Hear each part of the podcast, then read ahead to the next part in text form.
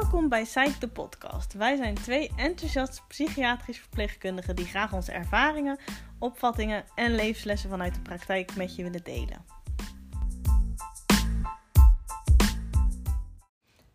En we zijn weer terug met een aflevering over plannen en lange termijn doelen. Want we hebben het de afgelopen afleveringen vooral heel veel gehad eigenlijk over eh, korte termijn en ehm, quick fixes. De dingen om er snel vanaf te komen.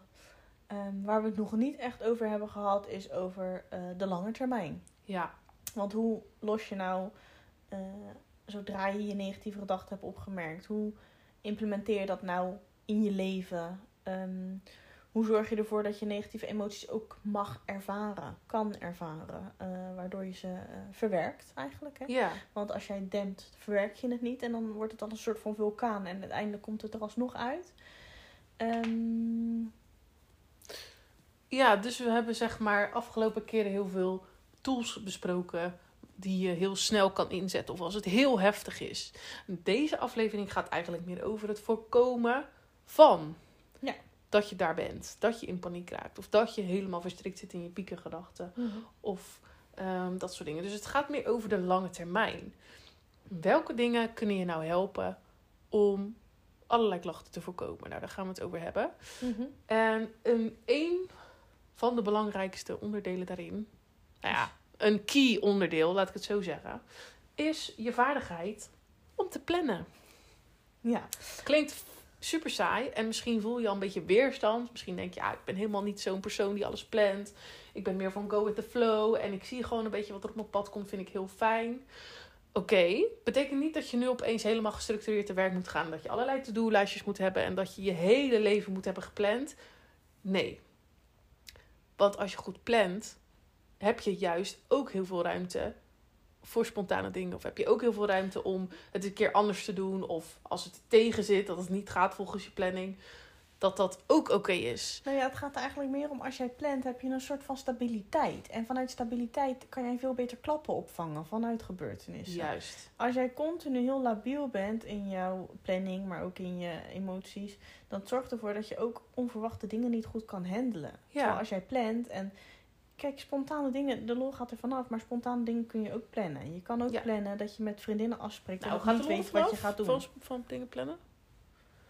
Ja, spontane Nou, dat dingen zijn leuk. Het is leuk als je een weekend vrij hebt en je hebt afgesproken al met iemand door te brengen en iemand zegt ineens tegen jou: Kom, we gaan naar Valencia. Dat is leuk. Niet leuk voor het milieu, maar je snapt wat ik bedoel. het is leuk, maar ehm, als je dan al plant: Ik ga naar Valencia. ehm, het ligt aan. Ik zou het beter doen op het plannen. Ja, ik Omdat denk ik ook. niet zo goed onverwachte dingen kan handelen. Ik denk, ja, het ligt inderdaad een beetje aan de persoon. Persoon, of je ja. zeg maar super spontaan, flexibel. En spontaan betekent zeg maar niet per se dat dat negatief is als je dat niet bent of zo. Nee, het betekent niet Maar- dat als je niet spontaan, maar dat je gewoon. Dat je heel ad hoc en impulsief, dat woord zocht ik eigenlijk. Ja. Dat je impulsief dingen gaat doen, dat je impulsief een vliegticket boekt ergens heen. Nou, dat kan super avontuurlijk zijn en heel... eh, ja, dat het, ja, en dat je dat heel veel positieve nieuwe energie geeft. Want nieuwe dingen zorgen ervoor dat je hersenen weer heel anders gaan kijken naar bepaalde dingen. Het is ook goed om soms even uit je structuur te komen. Ehm, maar niet iedereen zit zo in elkaar dat je dat heel goed trekt. En over het algemeen gezien hebben jongere mensen zijn flexibel, eh, zijn wat e- impulsiever, vooral zeg maar. Weet je eh, je adolescentenleeftijd. Nee, weet ik eigenlijk niet. Moet ik het uitleggen? Ja, please. Je hersenen volgroeien pas op tot zeg maar. Als je 25 bent, zijn je hersenen pas volgroeid. Dus dan ben je pas volwassen eigenlijk. Ja, nou, dan is je voorste gedeelte van je hersenen, dus je frontaalkwab heet dat, Ja. waarin plannen en organiseren, oorzaak-gevolg, eh, verantwoordelijkheidsgevoel, zit daar allemaal. Oh ja. Dat is dus nog niet volgroeid als je 14 bent, of als je 18 zelfs, bent. Nog, Nee. nog wel meer, maar nog niet helemaal. Dus jij kan niet inzien, eh, als ik nou dit doe, dan gebeurt er dat. Je kan het wel inzien, maar dat is niet je eh, eerste reactie. ja, of dat baantje is nog niet helemaal aangelegd, toch? Het heeft toch Nee. ook een beetje te maken met de verbindingen tussen je ja, ik zeg niet dat het afgestomd is en dat het pas groeit naar je. Nee, nee, nee. Maar inderdaad, Ontwikkeld, het is ontwikkeld. Ja. Ja, Het is ja. natuurlijk zo complex in je brein. Ja. Ja, Ja, oké. dus dat is het. Dus dat is het. In je jonge brein ben je nog al die nieuwe paden aan het aanleggen. Dus is alles eigenlijk nog nieuw. Dus ben je ook impulsiever en spontaner. Over het algemeen gezien. Ehm, naarmate je ouder wordt, is dat, neemt dat een beetje af. Heb je toch meer, iets meer behoefte aan structuur. Heeft ook te maken met de levensfase. Vaak heb je dan meer verantwoordelijkheden. Heb je een baan? Ben je een Ja, opleiding en, aan het doen? En dan kan je ook dan Verwachten di- mensen dingen van je? Ja, en je houdt er dan ook rekening mee, omdat je dus oorzaak en gevolg kan onderscheiden van elkaar. Ja. Wat beter. Je kan het beter inzien wat Ja, voor gevolgen effect, het heeft, wat voor keuzes je maakt. Oké, dus zeg maar, eh, dat was even een korte uitleg waarom planning niet betekent dat je meteen een heel stramien jezelf moet aanleren. Het is, kijk, structuur en duidelijkheid, daar heeft eigenlijk elk mens wel behoefte aan. En juist ook als je heel erg spontaan bent en impulsief en ehm, lekker wil go with the flow, dan is structuur ook goed.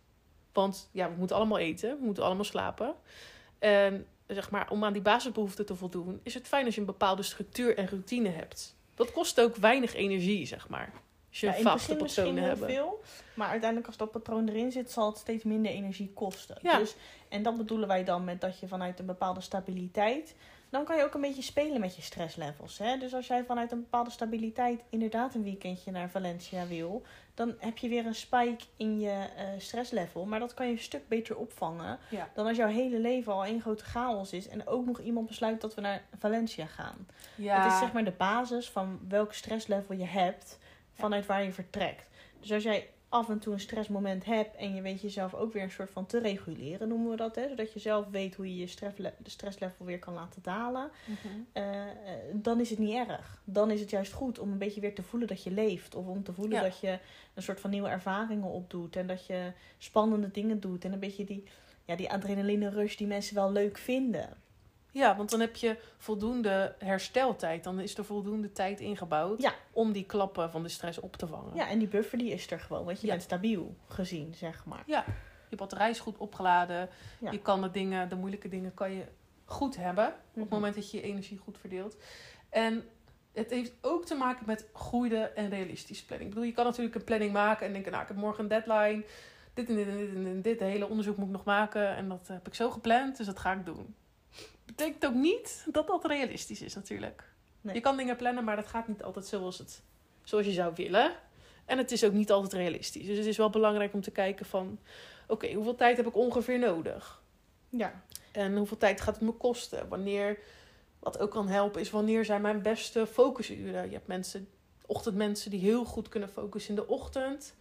Eh, Dus die gaan lekker, eh, staan lekker vroeg op en die gaan dan aan de slag met, een, met hun eh, scriptie of met hun schoolopdracht, deadline, wat dan ook. En die kunnen dan heel goed focussen. Maar s'avonds is die concentratie weg. Die moet, die moet je niet s'avonds laten werken. Dus het is goed om van jezelf te weten dat leer je door een beetje mee te experimenteren. Wat jouw fijne focusuurtjes zijn. Ja, en ook bijvoorbeeld stel jij je piekermomenten, hè, dat je daar een beetje rekening mee houdt. Dus stel je voor dat jij s'avonds vooral heel erg piekert. Probeer dan niks te plannen s'avonds. Want dan heb je dus dat je continu blijft hangen omdat je aan het piekeren bent eigenlijk. Nou hebben we ook een heleboel tips en tricks gegeven voor het piekeren. hè. Dus als je er echt tegenaan loopt, dan kan je die gebruiken.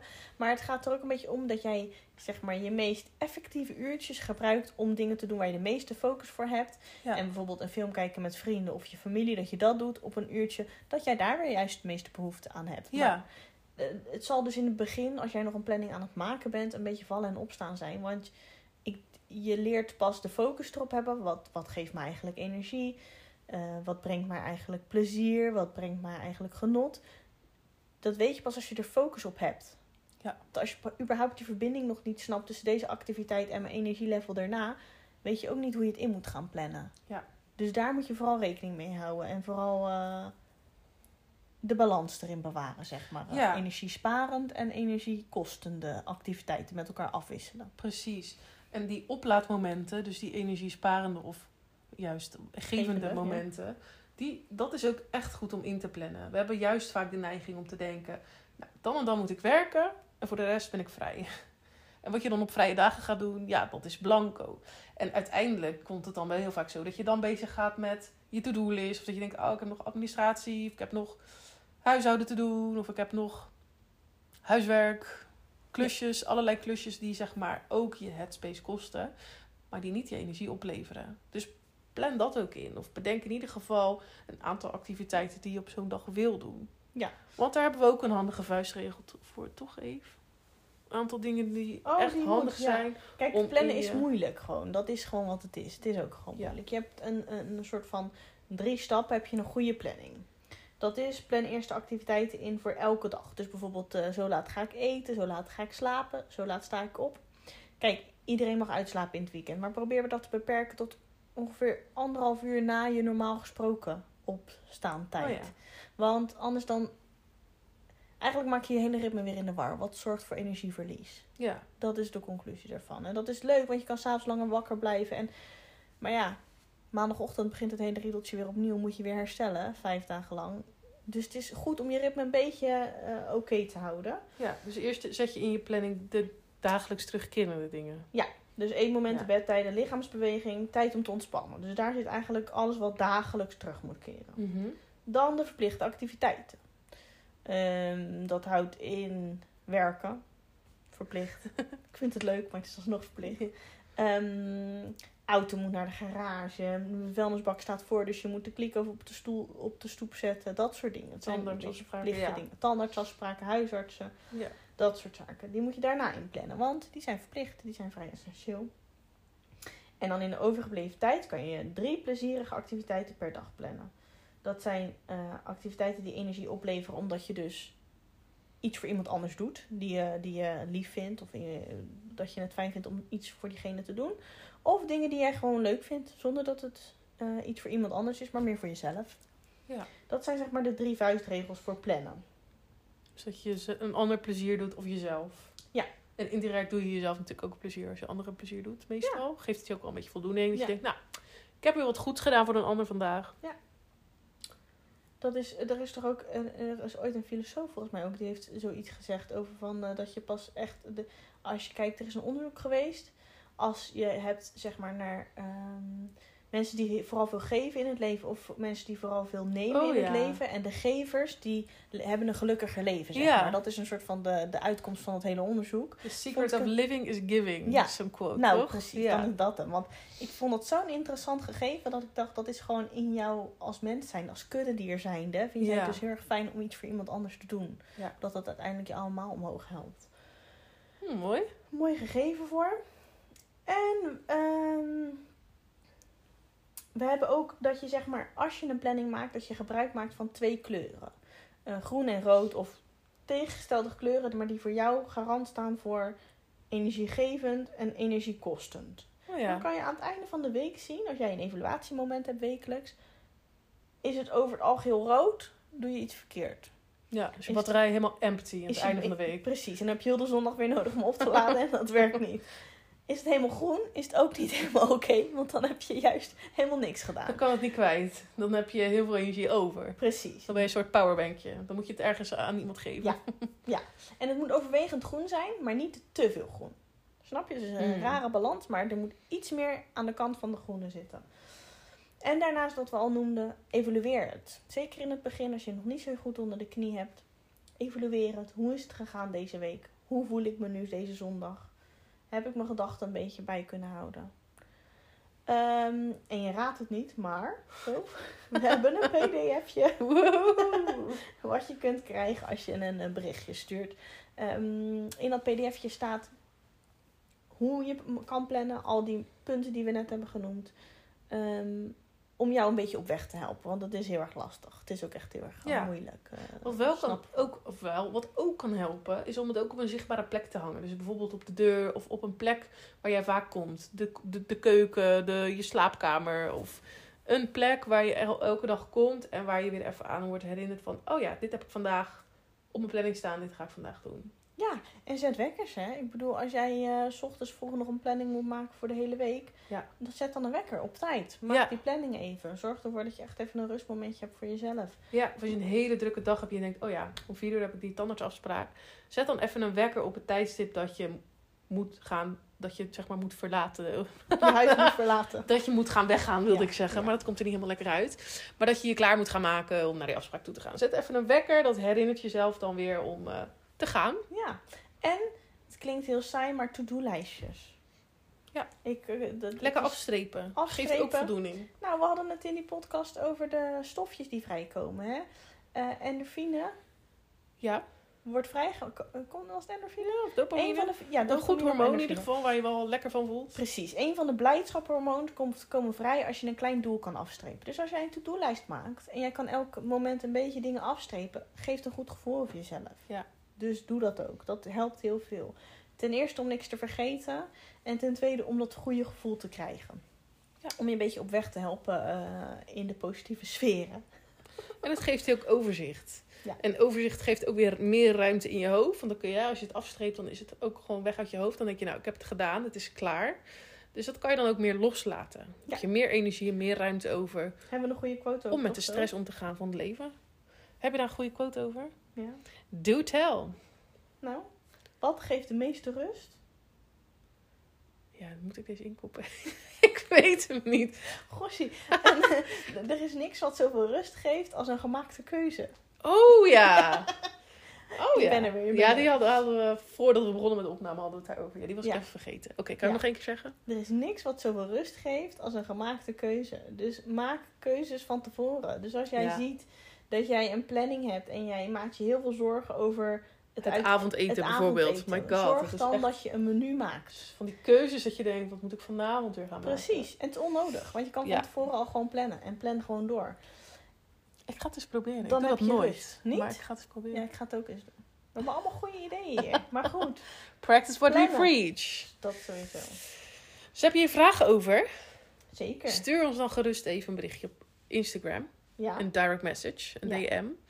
En dan denken we met je mee. Ja. Vraag gerust ook even dat pdf met al onze tips over het plannen. Ja, want wat ook een hele goede is, is eh, dankbaarheid eh, in, eh, in je planning verwerken. Dus we hebben ook een stukje waarin je drie dingen kunt noemen waarvoor je dankbaar bent. Oh ja. Omdat dat ook een heel goed gevoel van die stofjes geeft. Je, de- Ja. de- het waarderen van, het eh, erkennen waar je, wat je precies allemaal wel hebt in plaats van wat je Ja. niet hebt. Dit ging allemaal wel goed op de deze. dag. Precies, dus Ja. wat gaat er goed? Een, een, een quote van de dag voor jezelf. Waar moet je aan herinnerd worden? Dat soort dingen staan ook allemaal in onze planning. Dus die hebben we gemaakt. Gewoon als een soort van leidraad, zodat je die kan eh, downloaden en eh, printen om te gebruiken. Dus Heel veel succes. En laat ons even weten als je hulp nodig hebt. zeker. Tot de volgende. Tot de volgende keer. Leuk dat je hebt geluisterd naar deze aflevering. Heb je een vraag? Stel die dan gerust via Instagram. En wie weet hoor jij het antwoord in de volgende podcastaflevering. Wil je ons laten weten wat je van deze podcast vindt? Laat dan een review achter op iTunes. Dankjewel.